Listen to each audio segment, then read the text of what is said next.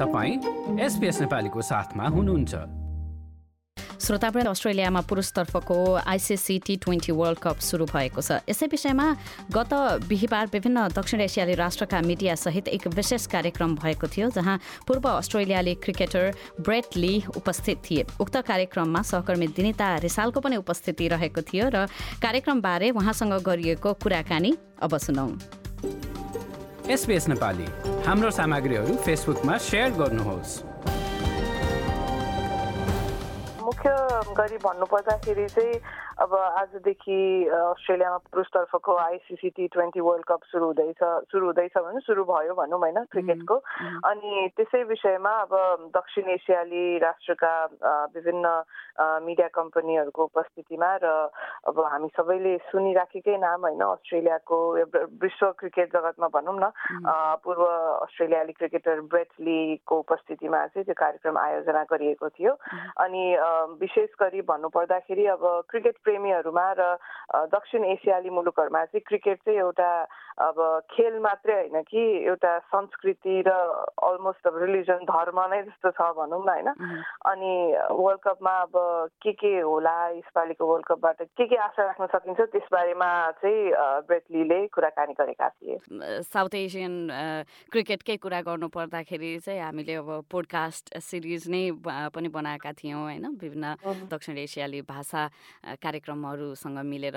अब यस्तो अवस्थामा चाहिँ उनले अब यो यो क्षेत्रको क्रिकेटमा उपस्थिति र यसले अस्ट्रेलियाको क्रिकेटमा ल्याएको परिवर्तनको बारेमा चाहिँ केही भने?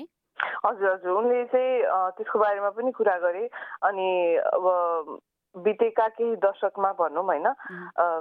अस्ट्रेलियाका क्रिकेटरहरू पनि दक्षिण एसियाका मुलुकहरूमा गएर खेलेको र उताका खेलाडीहरू पनि यता आएर खेलेको हुनाले दुईटा ठाउँहरूमा चाहिँ त्यो स्किल सेटको आदान प्रदान र दक्षिण एसियाली क्रिकेटको चाहिँ निकै नै विकास भएको छ भनेर चाहिँ उनले बताएका थिए।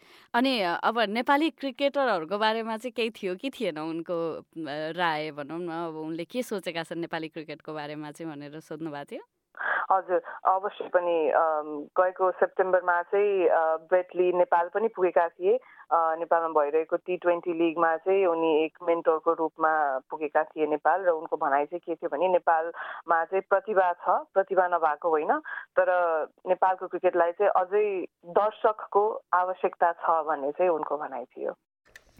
र सहकर्मी दिनिता रिसाल पूर्व क्रिकेटर ब्रेट लीले चाहिँ सँग गरेको कुराकानीमा आधारित भएर हामीलाई त्यसको बारेमा जानकारी गराउँदै हुनुहुन्थ्यो अब ब्रेटलीको नै भनाइ सुनाउन त Uh, you went to Nepal on September and you were a mentor for the ongoing T20 League. Um, what do you think about the cricket scenario there and what things do you think need to be uh, developed or, you know, encouraged for young Nepali cricketers to reach a higher level?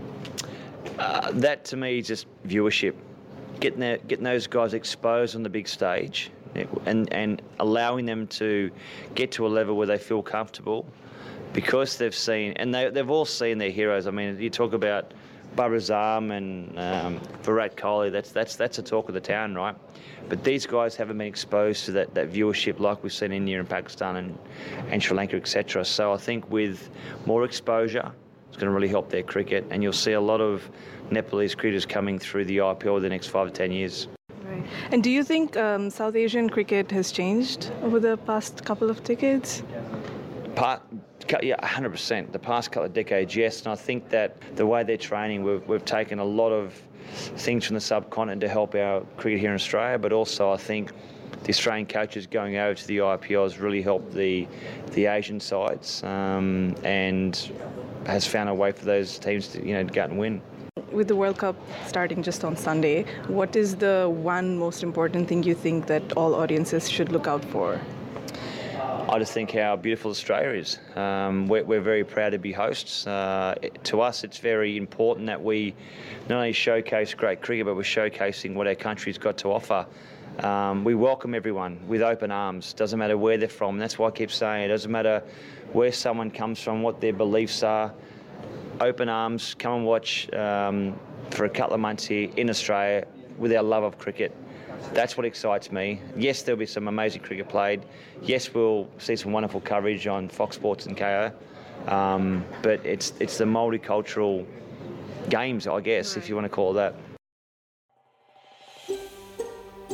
यो जस्तै अन्य प्रस्तुति सुन्न चाहनुहुन्छ Apple podcast Google podcast स्पोटिफाईमा हामीलाई खोज्नुहोस् वा तपाईँले पोडकास्ट सुन्ने अन्य सेवामा